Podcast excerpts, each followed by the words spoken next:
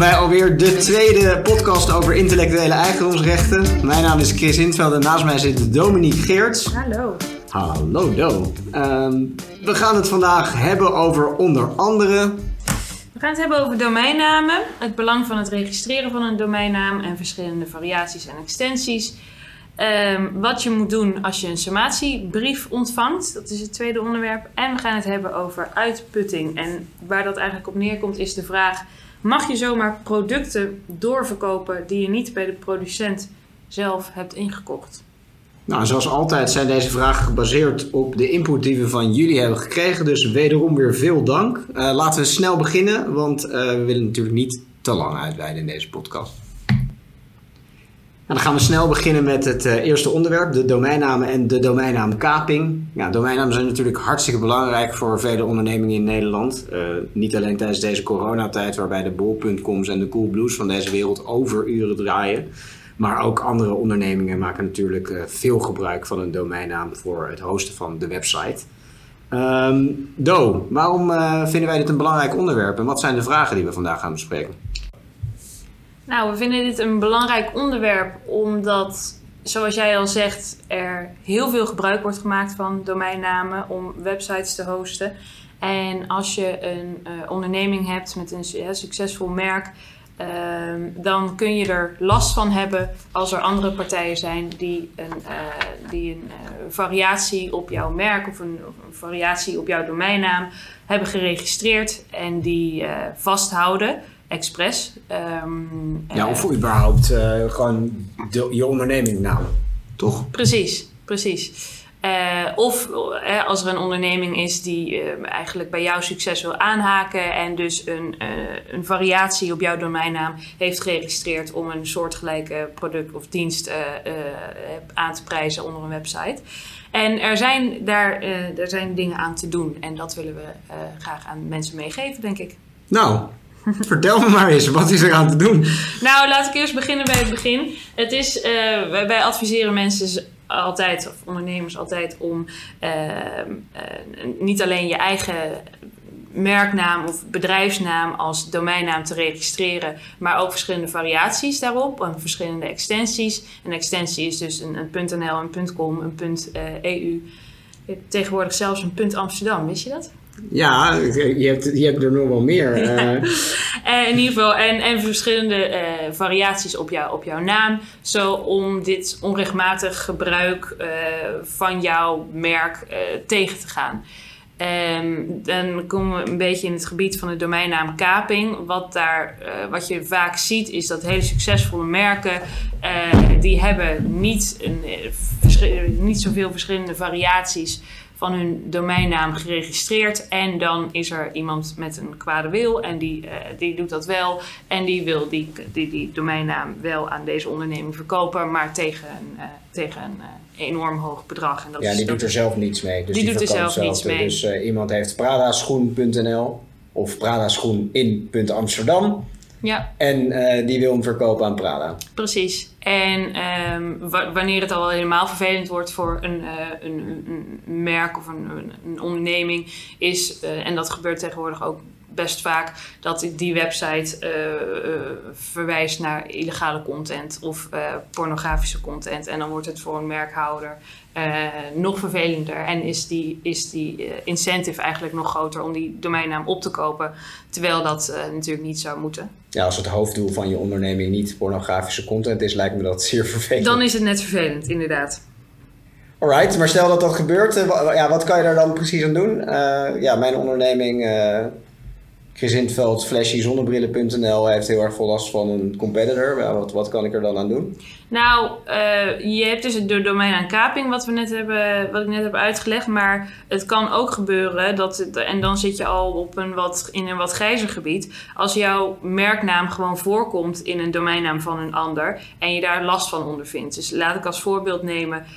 Um, wij zijn Van Doorne en wij hebben vandoorne.com geregistreerd als domeinnaam.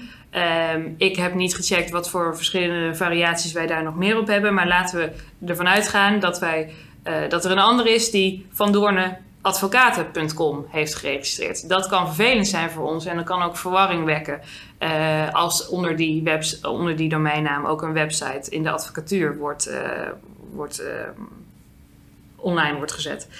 Um, en in zo'n geval, wij hebben Van Doorn ingeschreven als een merk, dan kun je verzoeken via verschillende wegen om zo'n domeinnaam offline te laten halen of overdracht van die domeinnaam naar Van Doorn te bewerkstelligen. Oké, aan, aan, wie verzoek je dat dan precies? Nou, dit kan via een uh, aparte procedure. Dat heet een domeinnaamarbitrage. Dat als, als je een uh, .nl domeinnaam hebt, dan kun je dat doen bij het SIDN. En als je een, uh, voor verschillende andere extensies zoals .com, kan dat bij de World Intellectual Property Office. Het voordeel is dat dit een vrij efficiënte en snelle procedure is. Um, er is dus een arbiter en dat is iemand die veel van deze van domeinnamen en intellectuele eigendomsrechten afweet. Die gaat beslissen over jouw zaak. Um, en, voor, en eh, wat ook nog een groot voordeel is, is dat je voor de uh, uitvoering, stel die arbiter die, die beslist dat het voeren van die uh, domeinnaam onrechtmatig is, dus die moet overgedragen worden aan jouw onderneming, dan heb je voor die uitvoering van, de, van die beslissing heb je geen medewerking nodig van de gebruiker, dus de originele gebruiker van die domeinnaam. Ja, dat is wel handig. Dus dan kan het gewoon uiteindelijk, uh, ben je niet afhankelijk daarvan. Dus Precies. dat is wel fijn. Ja, absoluut. Um, en een alternatief is dat je naar de rechter gaat. Dat is dan een iets uitgebreidere procedure zal dat zijn. Want je moet over het algemeen uh, naar de rechtbank. Er zal een zitting plaatsvinden. Het is wat, uh, wat minder kostenefficiënt. Uh, de vereisten die daarvoor gelden zijn, zijn ja, afhankelijk van hoe die domeinnaam wordt gebruikt. Maar ook daar kun je het offline halen van een domeinnaam of de overdracht van een domeinnaam vorderen. Dan gaan we nog even terug naar die SCDN-procedure. Nou, het spreekt voor zich dat je niet zonder meer kan vorderen uh, dat een domeinnaam dient te worden overgedragen. Dan moet je er wel uh, voldoen aan een aantal vereisten. Nou, allereerst van belang dat er uh, wel sprake moet zijn van overeenstemming met een bestaand merk, dan wel een handelsnaam. Dus in het voorbeeld van het Van Doornen-merk is er een overeenstemming als we kijken naar de domeinnaam vandoornenadvocaten.com. Uh, daarnaast moet de gebruiker van de domeinnaam geen legitiem belang hebben bij die domeinnaam. En er moet sprake zijn van uh, kwadertrouw. Uh, dus als je die drie dingen kan aantonen, dan kan het zo zijn dat het SIDN arbitragetribunaal beslist dat de domeinnaam dient te worden overgedragen. Um, zegt dat zo goed dan? Ja, op zich wel. Nou, waar het dus eigenlijk een beetje op neerkomt, is dat er een bepaalde mate van ja, een, een niet helemaal eerlijk is wat, wat deze uh, houder van de domeinnaam heeft gedaan. Namelijk, hij wist echt best wel van, jou, uh, van jouw onderneming af en heeft hem toch uh, eigenlijk met een kwade wil, zo, om het even zo plat te zeggen, die, die domeinnaam geregistreerd. Alright, ja, kijk, er zijn natuurlijk talloze juridische nuances te maken in dit verhaal. Maar goed, dat schiet de, de, de, de, de, de scope van deze podcast een beetje te buiten. Uh, hebben we dan zoveel gezegd over de domeinnaam dat we denken we kunnen door naar het volgende onderwerp? Dat denk ik wel. Alright, gaan we dat snel doen? Nou, dan gaan we snel door naar het volgende onderwerp. De boze brief, ook wel de somatiebrief genoemd. Um, Do, brand los.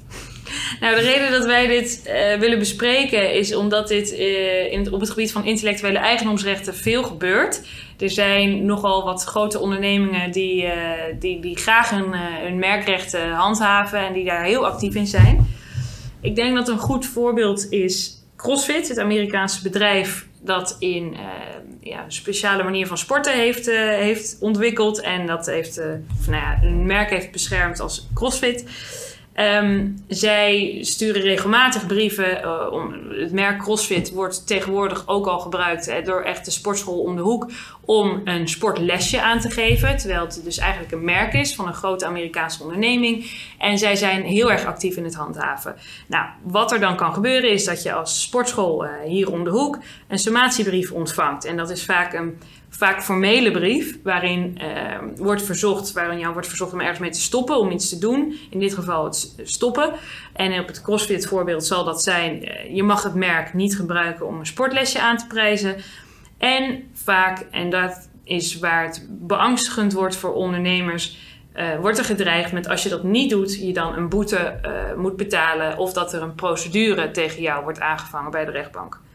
En wij kregen de vraag uh, van een ondernemer: wat moet je nou met zo'n brief? Nou, dat is natuurlijk wel volledig afhankelijk van de situatie. allereerst natuurlijk, en dat is een extreem open deur, neem de brief goed door. Um, lees hem goed. Kijk naar de inhoud, kijk naar wat jouw onderneming doet. Um, nou, bedenk gewoon even van, is het van toepassing op jouw, uh, op jouw onderneming en is hier sprake van een serieuze brief? Er zijn namelijk in het verkeer ook best wel veel valse brieven of spookbrieven, waarin mensen eigenlijk met als enige doel bang worden gemaakt om geld te betalen. Uh, dus let daarop dat je niet zomaar geld overmaakt uh, naar een brief die eigenlijk nergens op gebaseerd is. En uh, praktisch kijk ook naar of het bezwaarlijk is om aan het verzoek te voldoen. Dat wil zeggen, als uh, je inderdaad misschien wel twijfelt of je inbreuk maakt of onrechtmatig handelt uh, door bijvoorbeeld een bepaalde website online te hebben, um, dan kan het best weinig kwaad om hem dan maar direct offline te halen, om zo nou, veel gezeur te voorkomen. Nou, het is niet altijd van toepassing, maar denk daar altijd aan. Want het kan de moeite lonen om de kosten te besparen en gewoon akkoord te gaan. Nou goed, we hadden het al even over het verschil tussen de serieuze brief en de niet-serieuze brief. Uh, Do, wil jij daar nog wat verder over vertellen? Ja, ik denk dat de volgende stap is: kijk, stel dat het, het is een serieuze brief en het is jou ook wat waard. Uh, bijvoorbeeld omdat jou wordt verzocht om, uh, om jouw product of website of jouw dienst aan te passen. dan is het heel belangrijk om juridisch advies in te winnen. Dat, dat kan heel laagdrempelig bij een juridisch loket of dat kun je natuurlijk bij uh, je advocaat doen. Kijk, een jurist die kan uh, goed jouw positie bepalen, en een risico-inschatting maken. En die kan uh, inschatten hè, of jij ehm, akkoord zou moeten gaan, of je, die, of je er juist iets tegenin moet brengen. ja, dus die kan jou adviseren over een mogelijke reactie en ook de toon van die reactie. Um, dus ja, een open deur, maar dat is denk ik wel heel belangrijk. Um, en dan een, een, een extra vraag die misschien goed is om te behandelen. Want wat mensen natuurlijk onwijs afschrikt, is de dreiging met een boete of procedure. Um, kan dat zomaar? Ja, het, kijk, je kan niet zomaar eenzijdig een boete opleggen. Laten we daar gewoon even heel hard in zijn.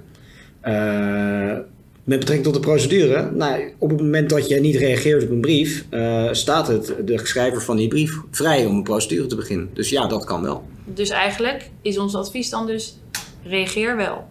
Hoe je ook gaat reageren. Ja, dat, dat, is wel, ja, dat is wel. Het kan een strategie zijn om niet te reageren, maar dan moet je je ook bewust zijn van de risico's dat dat met zich meebrengt. Um, maar in beginsel zouden we zeggen: ja, reageer wel, al is het maar uh, afwijzend. Ja, zeker. Nou, ik denk eigenlijk dat we als conclusie uh, kunnen meegeven als je een brief ontvangt, er is niet direct aanleiding om tot zorgen. Laat je adviseren. En je hoeft niet altijd akkoord te gaan met het verzoek. Alright. Hebben we het zo, denk je? Ja, denk ik wel. Thanks. Okay.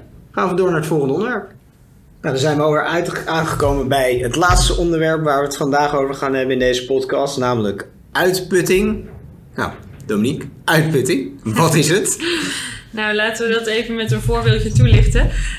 Um, jij hebt een webshop en de vraag is dan: mag je zomaar producten verkopen via jouw webshop die je niet bij die producent zelf hebt ingekocht? Uh, een voorbeeldje is de, een kruidvat die verkoopt parfum van grote merken, uh, maar dat kopen zij niet direct bij die houders van die, die, merken daarvan, maar die kopen die producten goedkoper van uh, andere partijen. En dat, waar je, wat je heel veel ziet is uh, dat dat in bulk wordt opgekocht in landen waar uh, de producten wat goedkoper zijn, bijvoorbeeld in Oost-Europa. Mm -hmm. En die worden dan hier voor een, een hogere prijs verkocht. En andersom speelt dit ook. Moet jij toestaan als jij een merk hebt, dat jouw producten worden verkocht via kanalen waar jij geen toestemming voor hebt gegeven? Ja, um, ik denk dat je het eigenlijk al een paar keer eh, goed hebt verwoord. Uh, ik denk dat toestemming wel erg belangrijk is in dit uh, hele gebeuren. Ja, uh, het is namelijk zo, de basis is, als jij een merk hebt geregistreerd, dan mag jij zelf bepalen aan wie je toestemming geeft om jouw merk te gebruiken. Dus, voorbeeldje, Sonos speakers, het merk Sonos, die heeft aan, aan unbol.com toestemming gegeven om Sonos eh, als het merk te gebruiken en om die Sonos producten te verkopen via bol.com. Uh, en een Action bijvoorbeeld heeft dat niet. Nee, ehm, maar waar gaat het dan fout? Dat is dan natuurlijk wel de interessante vraag. Hè? En wanneer komt de uitputting dan nou precies? Nou, uh, kijk, als, als dit is de, de, de, basis, is wat ik dus net heb verteld. Je, hè, je moet als merkhouder toestemming hebben gegeven. Maar als spullen eenmaal met jouw toestemming op de Europese markt zijn gebracht, dan zijn de rechten van die merkhouder daarna uh, uitgeput. Dus dat wil zeggen, jij kan, als, je, als jouw spullen nog verder worden verhandeld, kun je dat niet meer tegengaan. Um, dus weer even het voorbeeldje van de, de bol.com en Sonos. Sonos heeft toestemming gegeven aan bol.com. Uh, om die producten te verkopen. En nou, ik koop, een, uh, koop alle voorraad van bol.com op en verkoop al die Sonossen via mijn eigen netwerk. Dat uh, is toegestaan. En daarvoor heb ik dus niet toestemming nodig gehad van de merkhouder zelf. Nee, want bol.com had al die toestemming. Hè? Dus of Sonos verkoopt het zelf, of verkoopt het dus aan bol.com in jouw voorbeeld. Jij koopt het van bol.com. Nou, ze zijn dan door bol.com op een correcte wijze op de Europese markt gebracht. En vervolgens, doordat de, de merkrechten dan zijn uitgeput, kan jij er eigenlijk uh, verder mee, zolang je maar niet afbreuk doet aan het merk en andere ja, precies. En daarvan, daar uh, komen we meteen bij de uitzonderingen. Uh, dus dit, dit, is in principe toegestaan. Hè? Het, het uitgangspunt is als, als ze rechtmatig op de Europese markt zijn gebracht, dan kan, mogen de producten daarna verder worden verhandeld. Dat is in principe toegestaan, maar er zijn uitzonderingen. Namelijk als je als de houder van het merk toch een goede reden hebt om die verdere verhandeling tegen te gaan. En dat speelt bijvoorbeeld wanneer jouw producten wanneer de, de, kwaliteit daarvan is verslechterd. Um, dat speelt bijvoorbeeld bij medicijnen waar een, een batchnummer ontbreekt. Uh, daar moet een bepaalde kwaliteit worden verzekerd. Uh, of een, bij parfumflesjes waar de cellofaan vanaf is gehaald. Um, dat doet eigenlijk af aan het luxe imago van een, een, parfum. En um, dat, ja, dat, dat, dat mag een merkhouder dus ook tegenhouden als zo'n zo'n zo'n uh, plasticje ontbreekt. Ja, dus uh, de, de, de pallet met lekkere luxe parfums waar uh, die half nat zijn geworden en waar het cellofaan van af is en wat er gewoon niet meer uitziet als een luxe parfum, dan zou de merkhouder nog wel kunnen optreden, ook al is het merk recht uitgeput. Precies, ja, dat houdt uitputting dus tegen. Ja, absoluut. Alright. Um, ja, dit komt natuurlijk veel voor. Uh, ik kreeg laatst ook weer een vraag of, uh, of een bepaalde ondernemer zomaar uh, een partij producten, luxe producten van een designer kon doorverkopen die hij zelf nou, vrij goedkoop in een ander Europees land kon inkopen. nou, zoals gezegd, wat Do net allemaal vertelde, speelt erbij een hartstikke belangrijke rol. wat we ook nog willen benadrukken is dat het aan jou is om te bewijzen dat de merkrechten zijn uitgeput, even in beginsel. Dus op het moment dat uh, nou, Do gaat mooie designerschoenen verkopen, en uh, dat doet zij omdat zij van mening is dat de merkrechten op die designerschoenen zijn uitgeput. Um, nou, de, de, merkhouder komt achter Dominique aan en die zegt, nou, je maakt inbreuk op mijn merkrecht. Dominique zegt, nou, dat is niet zo, uh, meneer of mevrouw de merkhouder, want de merkrechten zijn uitgeput. Dan is het in beginsel aan Dominique om te bewijzen dat het daadwerkelijk zo is en dat die spullen ook met toestemming van de merkhouder op de Europese markt zijn gebracht. Ja, dus je moet goed onderzoek doen naar de afkomst van deze producten. Uh, dat, daar, dat is waar het op neerkomt als je gebruik wil maken van een parallel import of parallel handel, zoals dat uh, heet. Nou, helemaal duidelijk. Dan gaan we weer naar de afsluiting van deze podcast. Uh, wij hopen dat jullie het leuk vonden om weer te luisteren naar ons gebrabbel over intellectuele eigendomsrechten. Heb je een vraag? Schroom dan niet om ons een bericht te sturen op LinkedIn of een e-mail. En dan kunnen we de volgende keer dat we de podcast opnemen die vraag eh, wellicht beantwoorden. Um, Do, je had ook nog een hele speciale mededeling voor de luisteraars. Ja, want wij hebben een tool ontwikkeld en die wil ik nog even onder de aandacht brengen. Uh, waarmee je heel gemakkelijk kunt zien uh, op toegankelijke manier hoe het is gesteld met jou, met de intellectuele eigendomsrechten binnen jouw onderneming. En het maakt heel makkelijk inzichtelijk waar de risico's liggen en waar nog kansen liggen die nog niet zijn benut. Eh, dus wil je daar gebruik van maken, dan eh, ja, maak dan gebruik van het linkje dat we opnemen in, eh, onderaan de podcast. Ja, klik op de link om snel een scan te doen van jouw IE-rechten binnen de onderneming. En wellicht kunnen we je dan ook nog verder adviseren, mocht je daar belangstelling voor hebben. Ja, tot de volgende keer. Mijn naam is Chris Indesveld. En mijn naam is Dominique. Kijk, professionele afsluiting. Hoi!